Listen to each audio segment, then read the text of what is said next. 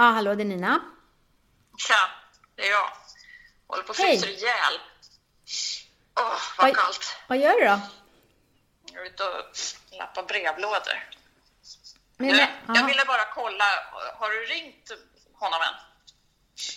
vem, men, lite positivt besked här. vem menar du nu att jag skulle ha ringt? Du skulle ju ringa Bob Hansson. Skulle jag ringa Bob Hansson? Vi har inte sagt att jag ska ringa Bob Hansson. Vi sa ju det, om din ma- bonusmamma jobbar tillsammans med honom kan hon väl bara be om hans telefonnummer. Det vore så jädra bra att få snacka med honom i, i podden. Alltså jag får panik. Ska jag, alltså jag, jag, jag, vet, jag vet bara inte vad jag ska säga. Ska jag ringa till Bob Hansson? Vad ska jag säga till Bob Hansson? Ja, men, är det någon som kan hjälpa oss här med lite existentiell kris så är det väl han. Han snackar ju inte om något annat hela dagen. Exakt, han snackar inte om något annat. Han, han har ju allvarligt talat, han har sina böcker, han har sina plattformar. Han får ju all den här uh, utrymmet redan. Jag, jag, jag, alltså jag, allvarligt, jag vet inte. Jag är så trött på det här att alla tror att jag ska ha massa nummer och kunna hålla på och få, få tag på folk hela tiden. Folk skiter i vår podd. Jag får fan panik. Jag håller på med den här omarbetningen. Vet du hur nära jag är att skicka? Alltså att jag ska Ja, hålla men på... grattis till dig! Här går jag och lappar brevlådor och du sitter hemma och skriver. Det enda jag tänkte var väl om du kunde ringa honom så vi har någon att prata med om hur man tar sig ur ett sånt här. Nej men alltså jag ringer inte Bob Hansson, jag gör inte det.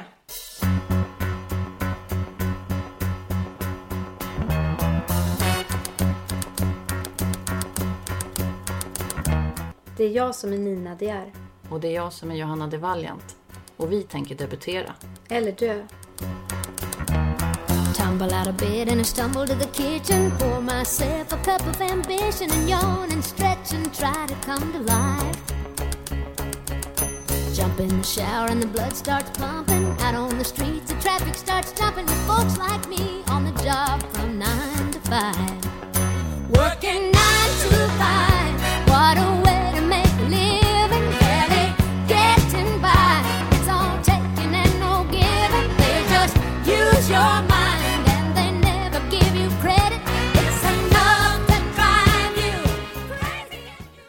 Är temat kris.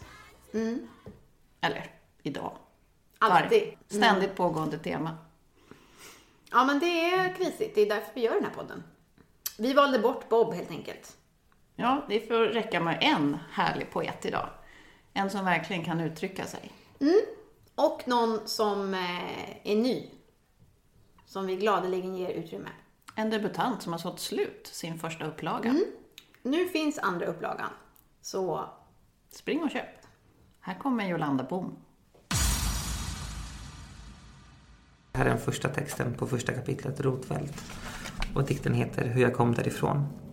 Fråga mig inte var jag kommer ifrån. Där jag kommer ifrån samlar vi MVG'n på hög och knogjärn som troféer. Vi fyller sida upp och sida ned med rim, jamber och trokéer. Järnvägen delade min förort i hälften varje halvtimme i strida strömmande stridande strömmar som folkvattenmassor som forsade ut ur vagnarna som Moses delade havet som Adam eller Eva eller Noa eller Darwin eller vem nu mobbaren var som valde de starka till det ena laget och de svaga till det andra. Vissa samlade MVG'n på hög, andra samlade bilmärken, blåmärken, andras märkeskläder som troféer medan Gud eller landskapsarkitekten eller stadsplaneraren eller vem nu idioten var som strösslade utebliven hemspråksundervisning, hämndlystna höghus och centrum på ena sidan och på den andra blonda stränder, Volvo, Vove, villor och hela fucking gympadojor.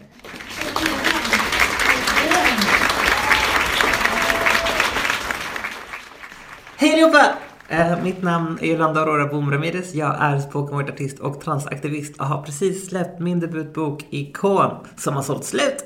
typ överallt. Välkommen Jolanda. Tack så jättemycket. Vad gott din mat luktar. Din egen vill du smaka? Nej tack. Men det är eh, lök. Mm, det är um, broccoli. vitkål, broccoli, gul lök, morötter. Det skulle vara aubergine men den hann inte torka.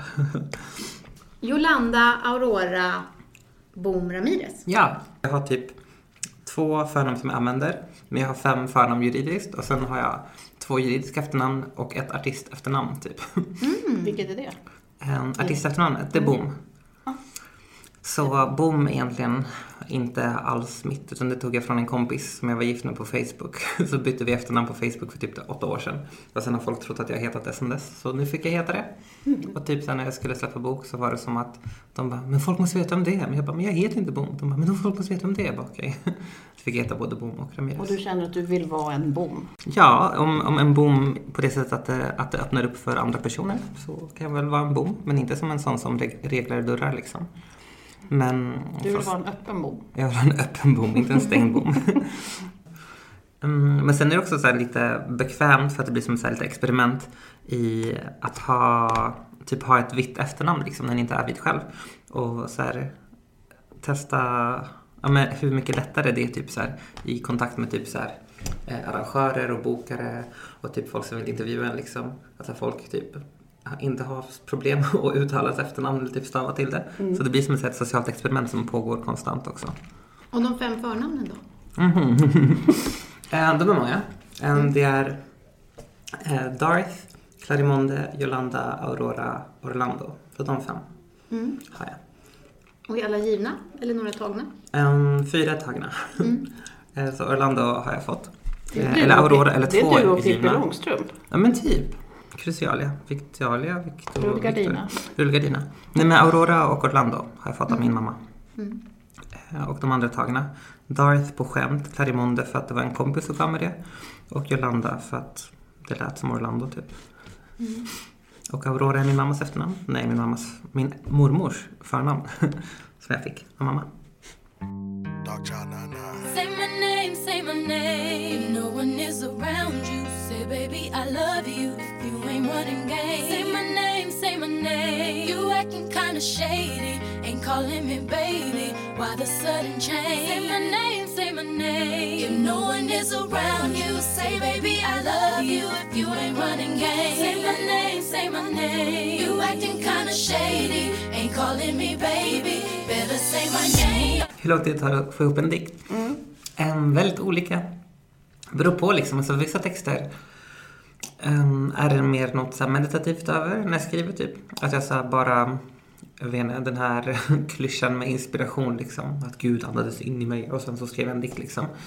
Um, men, eh, men de flesta texterna börjar antingen typ att jag bara leker lite med ord typ och så leker med ljud och assonanser och alterationer och rim liksom och till slut så bara kommer det fram någonting lite så här automatisk skrift nästan att det är lite så här psykodynamiskt associativt typ. Eh, Och bara jaha, det är det här jag tänker på och så blir det en text av det liksom. Ja, men jag bara kan jämför nu då, vi som är lite mer skönlitterära världen. Mm. Att skriva en bok i det tillståndet, jag menar vi har hållit på i flera, flera, flera år. Mm. Det låter helt gudomligt. Att Ja. under bara ett tillstånd få ur sig en färdig produkt. Fast den är inte färdig liksom. Men så här, oftast, eller det är inte som att det oftast är så här liksom, utan hälften av fallen är typ så här att det är en lek som sen blir någonting liksom, eh, ja, lite terapeutiskt liksom. Men hälften av fallen så är det liksom att det är någonting jag vill skriva om typ. Eller att jag har samlat på mig några meningar som jag tycker är bra liksom, kring ett tema. Typ, för jag går runt hela tiden och antecknar i min telefon liksom, och så här skriver ner um, ljud som är fina eller ord som är vackra eller typ så här rim som är dåliga typ. Och sen så sätter jag mig med det liksom och bara skriver ut allt jag har liksom. Lite mer som jag tänker att en, en, en skriver romaner typ, eller när jag själv har skrivit berättelser så brukar det också vara så. Uh, med massa research liksom. Men då blir ju själva grävandet i mina egna tankar och känslor och rädslor, det är det som blir själva researchen liksom. Och då har jag där typ, eller en av texterna, som heter Maria Illusioner i boken. Um, den hade jag kanske 30 000 tecken på från början liksom. Som bara var typ så här, typ min relationshistoria, alla mina tankar om det liksom, så här, all, allt som har skrämt mig, allt jag tänker om i framtiden och sen kokar jag ner det liksom till en dikt liksom. Så det är mer så här vanligt skrivande tänker jag.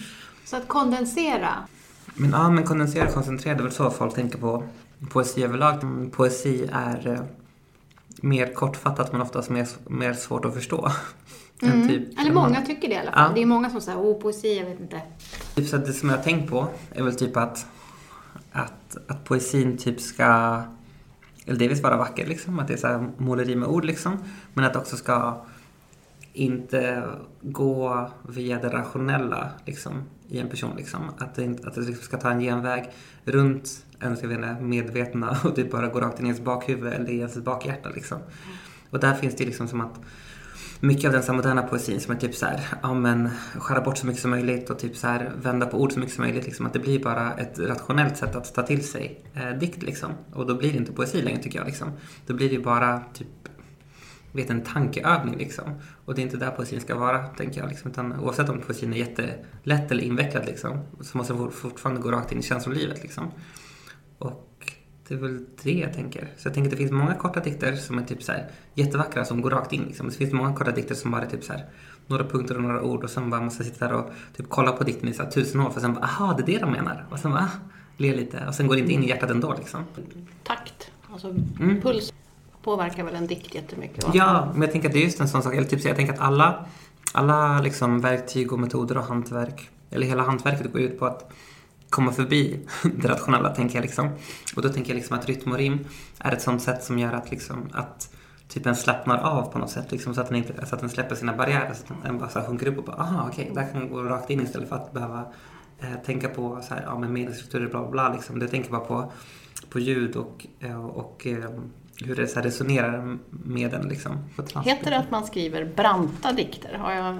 Åh, inte hört förut. Inte? Fast jag hänger inte så mycket med bokförfattare. Nej men gud, jag kan inte det Det är här inte vi heller, det jag, försöker. det jag eh, tror menas med detta är att, eh, att man bygger upp en stämning som man sen helt vrider tvärtom. Jaha, ja jag fattar. Det är ju rätt vanligt inom spoken word.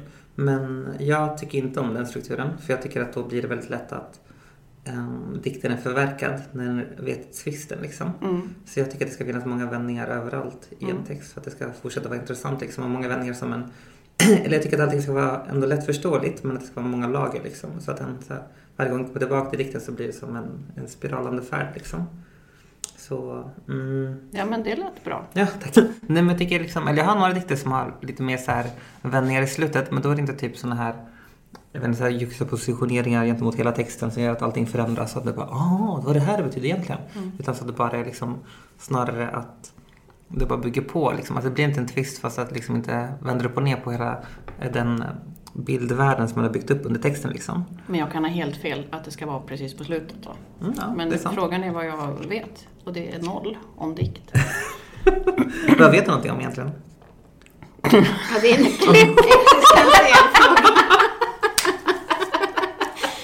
Det var inte menat som. Det här är ju verkligen helt, helt utanför min sfär. Medan Mhm. Nina är ju mer van i för det kulturella livet överhuvudtaget.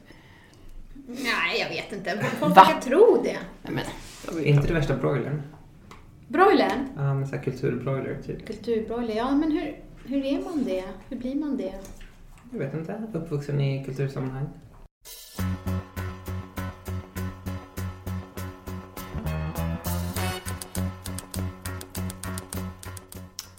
Då egentligen Johanna? nej men, fan. Inte frågan för dagen. Nej, vad kan jag och vem är jag och, och vad vill jag och vart är jag på väg och fuck. Det senaste halvåret har jag vänt upp och ner på hela livet. Istället för att bara sitta på min stol och skriva min bok så gör jag så mycket skit som gör att jag till slut inte vet vad jag heter. Men det är ju lite din kris. Det har jag ju känt det här året jag har känt dig bra. Att du är en sån där som Nej, nu ska jag klättra upp för ett berg, nu ska jag springa Vasaloppet. Du ska göra saker hela tiden. Jag går ju bara på känsla och stannar inte upp och håller fast i det jag borde. Men det är ju svårt. Mm. Och då blir man heller aldrig riktigt bra på något. Det kan man ju vid 50 års ålder ha lite kris över. Som att jag den här veckan borde sälja hus men istället går runt som brevbärare och lägger reklamlappar. Det är ju påse på huvudet pinsamt. Det är ju mitt drömjobb du har haft. Men det lät ju för sig inte så mysigt när vi ringdes. Nej, lite Linus. snålblåst och glopp och skit. Mm. Och då lyssnar jag under tiden på poddar om eh, hur man blir författare och andra som lever sin dröm. Och bara känner att jag är en sån jävla fejk att jag vill kräkas på skiten. Men alltså, det är väl det som är det svåra. När är man fake och när är man äkta?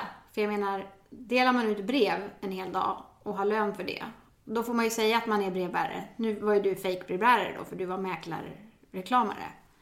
Men om du skriver en hel dag så kan du ju inte sen klappa dig på huvudet och säga jag är författare. Utan då har jag fortfarande lika mycket ångest och undrar vad fan håller jag på med när det börjar skymma. Det är därför vi startar den här podden. För att det är existentiell kris hela tiden.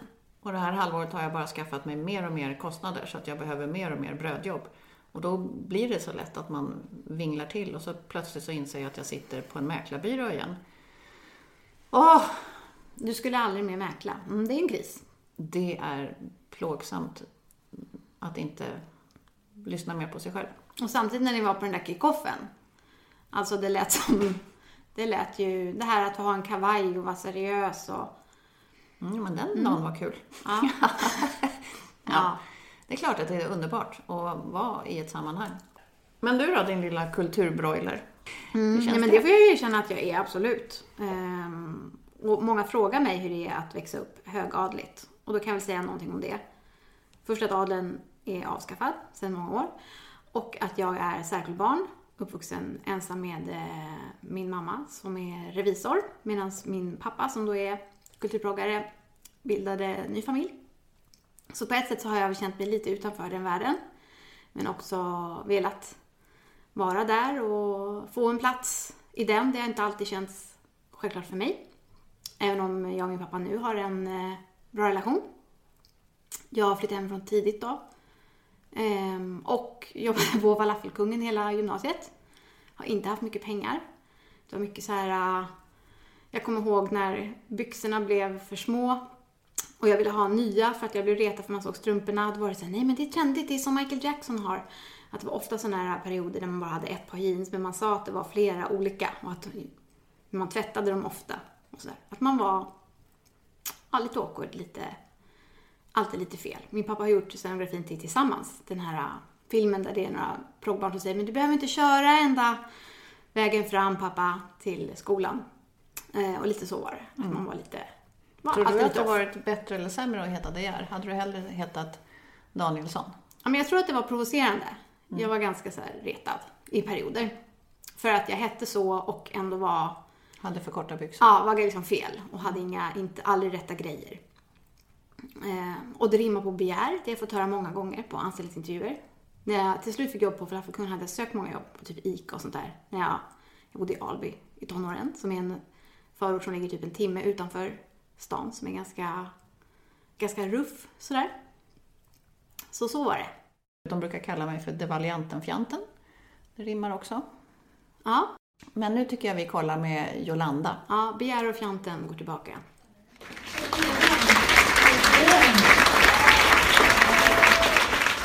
Fråga mig inte var jag kommer ifrån, fråga mig när jag kommer ifrån, vem jag kommer ifrån och vad som stod i min väg. Jag kommer från 49, 51, 73, 89, 91, 97, 99, 03, 14, 18. Mamma föddes, pappa föddes, Chile föll, muren föll, unionen föll, deras äktenskap föll, min mamma föll ner i depression. Mamma fick inte sjukskrivas, hon fick pensioneras. Nu kanske hon har börjat leva för sin egen skull. Fråga mig inte var jag kommer ifrån, den här bruna huden jag har ärvt är oändlig. Två kvadratmeter, fyra kilo räcker för att täcka hela världen. Den är ett canvas jag tecknat drömmar och löften upp på. Jag bär en börda ni aldrig skulle mäkta med. Fråga mig bara var jag kommer ifrån. Och när jag svarar ärligt vill ni inte ha mig kvar så jag går. Jag går som att varje steg jag tar är en välsignelse. Som att jag kliver upp på stränder. Som att mina ben är två flaggstänger som borras ner i marken. Återtar jorden bit för bit. Jag utropar hela världen till en fri stad. Jag kommer från alla magra marker vi flytt från, alla brända jordar vi flytt över, alla bördiga länder vi flytt till, där mina förmödrar, min familj, min mamma rivit upp sina rötter, vilat sina vapen och fäst sina fötter, knoppat av sig igen. Det är där jag kommer ifrån. Så går den. Vilken bra läsning. Ja, det här var lite lugnare än vad det brukar vara faktiskt. Eh, när jag stod på scen så wow! Och vifta med armarna och grejer. Men nu kände jag att det varit svårt att vifta med armarna på er bara så här fram och tillbaka. Ehm, Tyckte, är det här Bom som har läst? Eh, lite mer Bom var det. Det är Bom som har pratat med er också tror jag. Ja, för nu har Bom en brytning. Eller under dikt- Ah, så hade Bom det en brytning. det lät så. Eh, det handlar mycket om eh, vilka texter jag läser liksom. Det har ju varit fokus på trans, tycker jag, i recensionerna. Precis. Det är Hur har det känts? Alltså jag blir väldigt upprörd faktiskt. Ehm, eller eller det är väl två saker. Delvis att Dels att folk bara, eller recensenten, han mest läser in trans i boken. Men jag har varit så här väldigt tydlig både med mig själv, mitt förlag och i boken. Med boken liksom tycker jag att det ska handla om typ så alla aspekter av mig liksom. Och då är det som att de som har recenserat bara har sett liksom den tredjedelen av boken. Och då blir det som att jag bara, aha, men är det som att de inte, eller så tolkar in det i allt för att de förväntar sig det av mig? Eller är det som att de bara inte förstår resten för att det typ är så här vet inte, så här vanliga medelklass vita människor som bara inte kan så här, eh, läsa in eh, det som har med orten att göra eller typ så här, fatta referenserna som jag försöker dra. Så det är lite störigt. Eller så här, det har väl ändå varit fina recensioner med folk som har här, gett mig beröm liksom man inte riktigt har greppat allt typ. Skulle jag vilja ha någon annan som jag vet inte, recenserar min bok som kanske har en, en klassaspekt kanske eller eh, något annat, typ en, en science fiction aspekt kanske i sitt läsande. Det skulle vara roligt. Mm. Har du en klasshärkomst eller har du flera? Um, beror på hur jag ser på det. Eller så här, min familj är från, um, från bygden i Chile, liksom, fattigt. De borde ha varit medelklass, men det var de aldrig. Så vi har ju varit arbetarklass och underklass. Liksom. Men nu har jag väl typ snart gjort en klassresa, typ, och är medelklass snart. Jag måste bara betala av lite skulder och, och så. Och typ så här, bli lite vuxen också. They ask me all these questions, give me these lectures. It's getting old. So many suggestions on my direction, where I should go.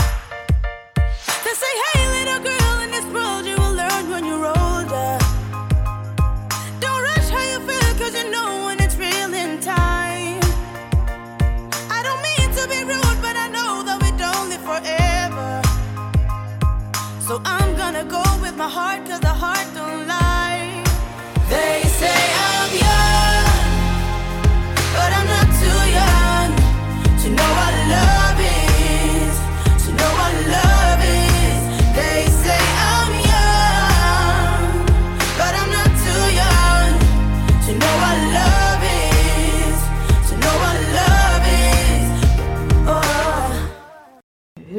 har du lidit för det här? Hur var det för dig att debutera och bli antagen? Har du skickat var- många vänner? Alltså, eller? grejen är att typ, så här, hela mitt liv är bananskal egentligen. Typ. Hela, mitt, Mm. hela mitt liv är typ så här, lidande och bananskal om vartannat. Typ. Ja. Så det är typ så här, eller så här, jag vet inte. Alltså, grejen var väl typ att jag har ju drömt om att här, få ut en bok sen jag var jag vet inte, lite mellanstadie, högstadie kanske liksom. Jag har drömt att få stå på scen och typ rappa. Jag har drömt om att få ut en bok och nu får jag typ göra båda, vilket är rätt skönt liksom. Fast rappen är mer i spoken word-formen i, eh, med musik liksom. Fast musiken kommer så småningom, tänker jag. Men så, eller jag har väl så publicerat lite skrifter innan liksom, lite böcker, lite tidningar liksom. Men allt har egentligen utgått från att jag har stått på scen och att folk har typ såhär, men du är bra, vill du vara med här liksom? Typ hela tiden nästan. Och nu var det som att eh, Blå Blixt-antologin skulle ges ut och eh, en kompis till mig skulle skicka in texter och skrev på Facebook typ, eller skrev till mig typ så en månad innan bara Hallå, skicka in texter. Jag bara okej, glömde bort det typ. Och sen skrev till mig, eller skrev såhär en allmän status på Facebook typ så här klockan tio på kvällen, sista, sista natten för, för deadline liksom. Och bara allihopa som inte har skickat in, gör det. Och jag bara ja men det kanske jag ska göra. och tog så fyra texter som funkar bra ihop och skickade in dem. Och blev antagen till Blå Blixt liksom. Eh, som är eh, Brombergs eh, antologi som släpps typ vartannat år. Med nya debuterande, eller debuterande, predebuterande poeter liksom. Ehm, så det var ju lite bananskal där liksom. Eh, Men det du har gjort innan, alltså Ja. du har stått på scen. Jag tänker att du har gjort en massa jävla jobb på gig där, Mm. där man står ibland det inte kommer några eller... Alltså det precis, är ju, precis. Det är ju lite förnedrings-tv att bygga upp en plattform, eller bygga exakt. upp eh, Mm, mm, sig själv. mm. Det är många mil som man har lagt in i... Exakt. Ja, alltså de texterna som jag- jag skickade in första gången till Brombergs, de hade jag liksom jobbat med i flera år liksom. Så de hade ju uppträtt med i två år liksom. Och då har den ju, eh, eller hela publiken blir som en så bollplank liksom. Att den så får se hur folk reagerar, när folk gråter, när folk blir glada, när folk skrattar. Eh, om man får applåder eller inte, om folk ställer sig upp liksom. Så det är ändå som att det har funnits en, en tvåårig process fast på scen liksom. Med de texterna. Eh, Som, det är väl rätt annorlunda från hur böcker brukar bli till. Men det är många av texterna i Ikon som liksom har varit stötta och nötta och blötta på scen och sen har hamnat på papper liksom. Live-redigerade. Ja men typ. Och så är det många texter som jag har läst fel på många gånger när jag uppträtt liksom. Och så bara, ah, det här är ju bättre. Okej, så får jag eh, vända lite på det sen. Men hur kom du in i den, hela den grejen med spoken word och poetry slam? Alltså om jag sa nu så här, jag vill bli spoken wordare, vad vad fan skulle jag göra det någonstans? Alltså vad skulle jag ens börja? Ja men grejen är liksom att det är ju typ den av alla litterära scener som har lägst trösklar egentligen, spoken word och poetry slam liksom. Eller spoken word har ju, det finns ju oftast massa så öppna scener liksom som man kan bara kan gå till och läsa i typ de flesta städerna i Sverige tänker jag, de flesta stora städerna. Ehm, och många städer har ju också tävlingar i poesi, alltså poetry slam liksom. Och där är det bara att du måste anmäla dig i förväg. Du behöver inte här, betala någonting, du behöver inte dra dit folk.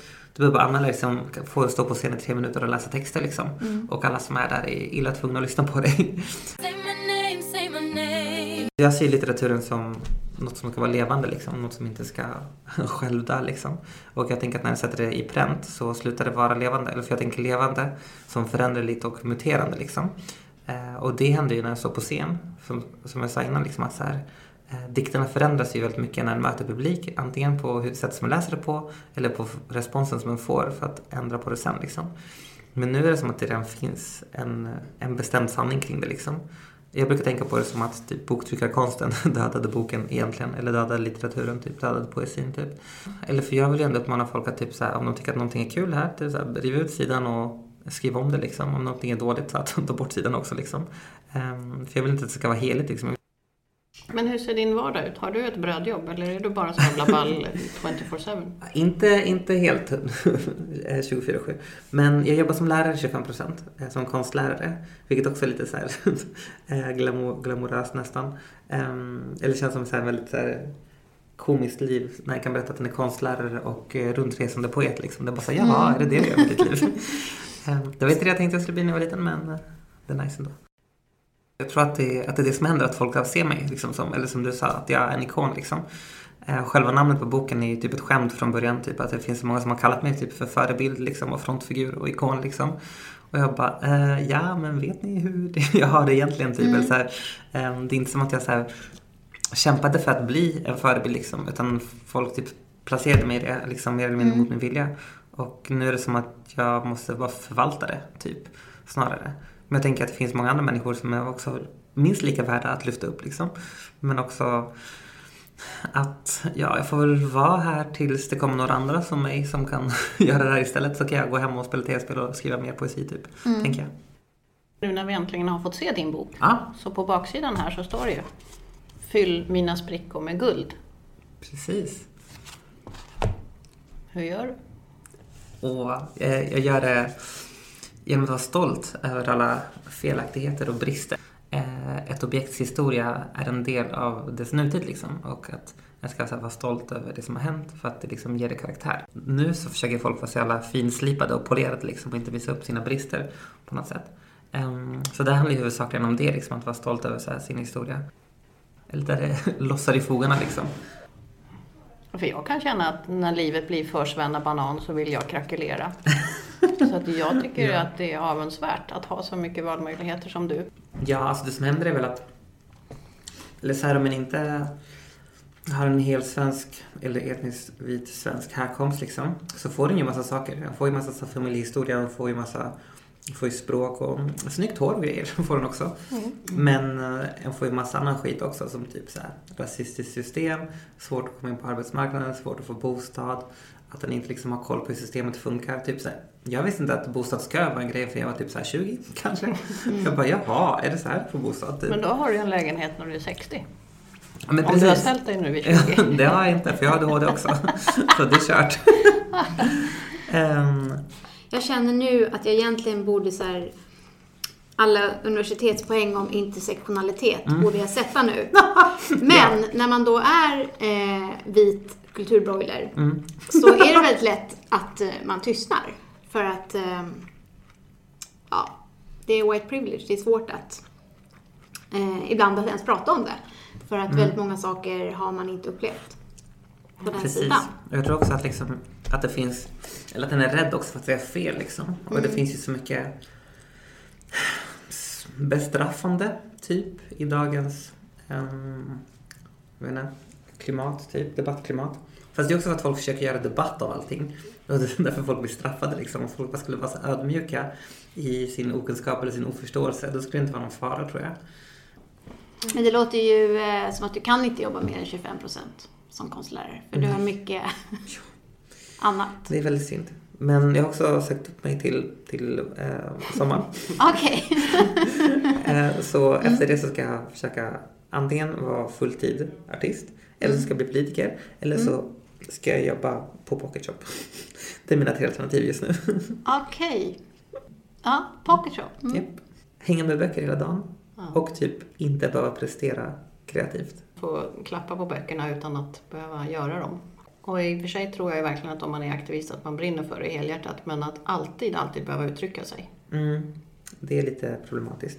Och också typ så här att det kan vara så att den är, är i ett visst sammanhang. Typ så här, nu ska du prata om en bok. Men så handlar det istället typ om, om ens identitet typ. Eller tvärtom. Typ att så här, nu ska du prata om uh, transfrågor. Men så blir det typ att istället pratar om typ så här helt andra saker liksom. För att typ allting går ihop så mycket typ. Så att folk inte kan separera på en. Men det är väl det som egentligen skulle kunna sammanfatta dig. Det går inte att separera dig. Det är faktiskt sant. Det är som eh, när man har kopplat typ så några elledningar fel i ens hus. Sen bara, "Happ, det här går inte att koppla loss längre. Typ så är det. Det blev fint. Ja, det blev rätt fint. Men det är liksom som så här julljusen som man glömmer kvar över midsommar typ. Mm, men det är guld. Det är guld i sprickorna. Absolut. Bara guldljus. Tack snälla för att du kom. Tack för att jag fick komma. Fint att vara här med er. Hej då.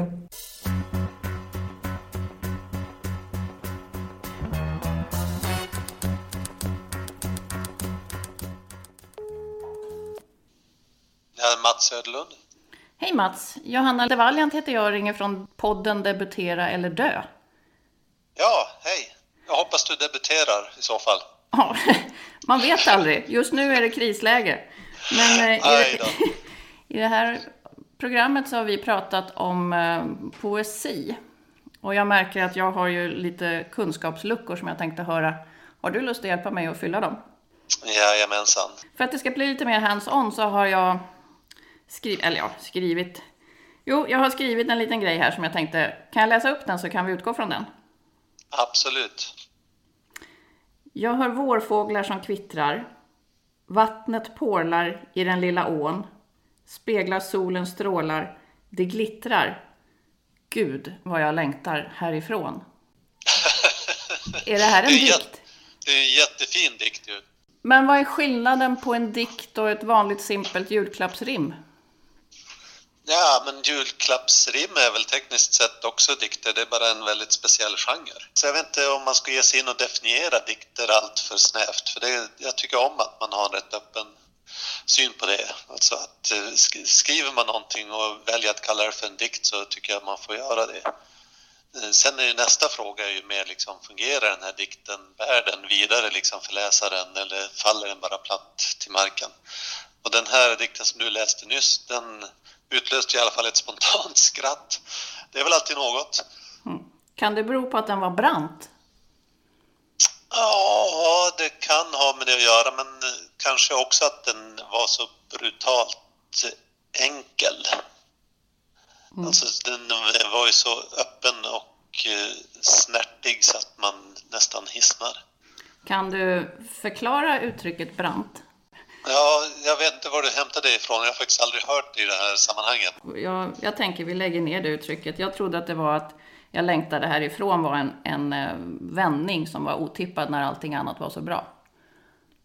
Jaha, men jag tycker den är viktig i, i den här. Alltså, att det, för det är den som ändå gör att det blir någon slags kontrast och någon, någon, någon ändå liten fördjupning av vad det Och jag har skrivit en står. fin dubbelbottnad dikt här. Ja, ja, precis. Exakt. Dubbelbottnad är bra. Det ska, det ska man försöka uppnå. Utan dubbelbotten så, så kommer man ju inte... Alltså då kan man ju börja fundera på om det verkligen är en dikt eller om det kanske snarare är en iakttagelse. Du, jag var ju och lyssnade på dig en gång där du sa att allt som inte kan gestaltas ska bort. Ja, just det. Ja, alltså allting kan ju gestaltas. Men jag tror jag, jag, tror jag menade allt som inte är gestaltning. Alltså allt som inte är gestaltat, det, det, det ska bort. Eh, Det är en ganska extrem hållning liksom. Och det lyckas man ju aldrig med. Men jag tycker att man kan ha det som ambition. Och så att det man skriver, oavsett om man skriver poesi eller om man skriver prosa, varje mening, i princip varje ord, måste ju ha en betydelse i berättelsen eller i, i den lyriska bilden. Eh, annars behövs den inte. Nej. Och det är ännu viktigare i poesi. Ja, i poesi blir ju utrymmet så mycket mindre så att har du någonting där som, eh, som är, bara är luft så, så märks det ju mycket mer. Och det laddar ju liksom ur dikten. Så att det, det dubbelbottnade är det viktiga för att man ska tänka till. Alltså med poesi är det ju så att man strävar efter att uttrycka någonting som är svårfångat med det vardagliga språket. Och om du bara har det vardagliga språket, alltså om du bara berättar det regnar ute, jag måste ta på stövlarna, då, då kommer du inte så... Då, då, alltså det är inte så mycket poesi i det. Men om du, om du liksom komplicerar det på något sätt, eh, om du skriver det regnar ute, jag måste ta min pappas döda stövlar eh, under armen, Ja. så blir det någonting helt annat. Då har du plötsligt så har du liksom, men vad betyder, vad har regnet med det att göra? Vad ska med stövlarna till? Ska hon inte ha dem på sig? Alltså då, då sätter huvudet igång och man börjar liksom tolka om man kanske ser sin egen döda pappa eller, eller liksom sina egna stövlar, inte vet jag liksom. Men du behöver komma längre än till det rena registrerandet i, i dikten. Och rim. Hur är det med rim och dikt? Eh, rim är bra, men svårt. Eh, det är ju också lite genre eh, betonat. Det finns ju många format som, som kräver rim. Eh, ofta när man läser på en scen, en stand-up poetry, så rimmar man ju. Rimmar man. Men det gäller ju att göra det då både så att, så att den här genrens speciella krav tillfredsställs men också jävligt skickligt. Alltså det räcker inte att det är ett, att det är ett rim i sig. Eh, Utan man måste ju göra det på ett sätt så att eh, läsaren inte tänker på att, att eh, hur just det här rimmet funkar. För då, då, då splittrar man liksom uppmärksamheten och tar bort läsarens upplevelse av dikten och för över den till liksom hur är den här dikten skriven. Alltså man vill inte ha den man vill inte ha den liksom splittringen hos läsaren. Rimmen ska kännas naturliga, leda, lediga, enkla, liksom självklara. Och det är svårt. Ja, ibland känns de ju väldigt krystade och bajsnödiga. Men eh, Ja, hur, det, det är väl kanske mer också takt i orden. Puls. Vad tänker du om det? d- puls och takt och melodi tycker jag själv är extremt viktigt. Eh, men det har kanske också med temperament att göra, alltså vem man är som poet. Men när du läser poesi så, så bestämmer rytmen vilka ord som betonas. Och det i sin tur styr hur du uppfattar dikten. Så att jag tycker att det är jätteviktigt. Sen finns det ju det finns förstås många strategier när det gäller takt och rytm och så. Eh, Du kan ju välja att bryta mot en väldigt stark takt. Det är ju ett sätt att markera en, en, ett, ett ord eller ett uttryck eller någonting. Om vi låtsas Eller att uttrycket brant hade funnits, då hade det varit ett annat sätt att göra en brant. Ja, absolut. Ja, definitivt. Jag skulle nog gissa att eh, om man analyserar rytmen i den här dikten som du läser så skulle man se att, att rytmen bidrar till att göra upplevelsen av den just brant. Men du Mats, ska du avslutningsvis visa lite var skåpet ska stå? Kan du inte läsa en dikt för oss?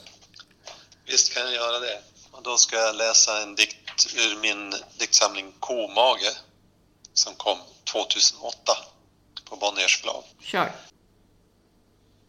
I mörkret välver drömmarna sig ur stumma bråddjup som dyningarna kring Notuddens iskransade stränder. Dina glittrande viskningar tystnar tillfälligt. Ser allt dra sig tillbaka och tyna bort. Ser glädjen glida undan. Vi dröjer kvar i köldröken från havet och står stilla. Och vi glömmer att vi skadade varandra. Dina läppar oavsiktligt särade. Dina ögon plötsligt öppna korridorer in till ljuset. Mats, tusen tack. Tack ska du ha. Hoppas det går bra med debuten. Tack snälla. Hej, hej.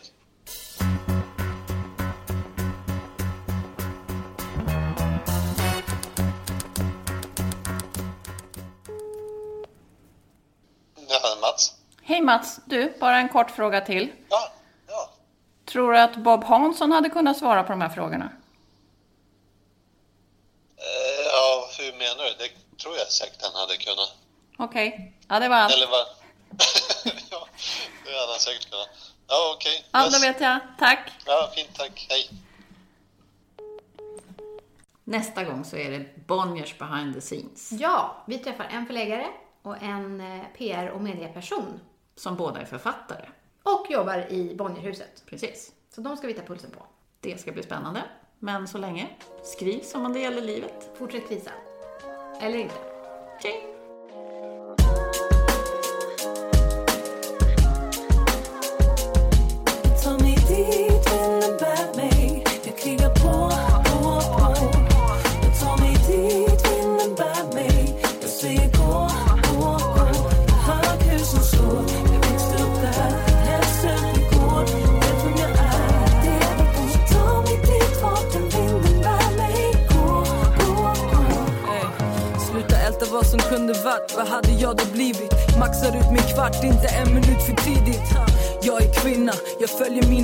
Drömmar Vi krabbor i en hint, drar ner varandra snabb och döma. Fan vad leker du? Vem tror du att du är? Du tror du är bättre än oss här? Unga vi har lärt oss att drömmar inte är värt något. Att sticka ut och gå mot strömmen inte heller lätt ha Ångest blir något vi bär på, passar som ett plagg vi klär oss Det är Hennessy, de häller i, vi bränner tid Vill inte kännas vid, vi vågar inte släppa taget än.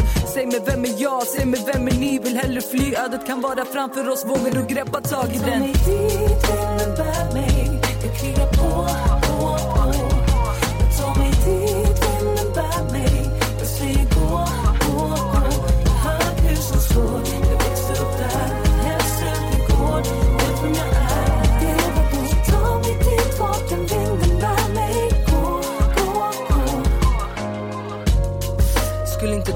Dina ögon. Huh. Skulle inte fatta dina öron. Planera som jag skulle leva hundra år till Men lever livet som jag skulle dö imorgon. Dömda i förväg. Innan vi vet vad vi vill bli. Drömmar blir bara frön Finns inget vatten, växer inget liv gamla gaddningar Vi bleknar bort vid slag och sörja Vi glömde bort vad vi stod för. Kärlek var varm i början. Mitt största hinder är mig själv. Det är så det är i min värld. Indoktrinerad att förlora hat är något inlärt Så lev ditt liv för morgondagen kanske aldrig kommer. Våga släpp tag. Vänd blad så får du aldrig ångest. Dit, bär mig. Jag krigar på,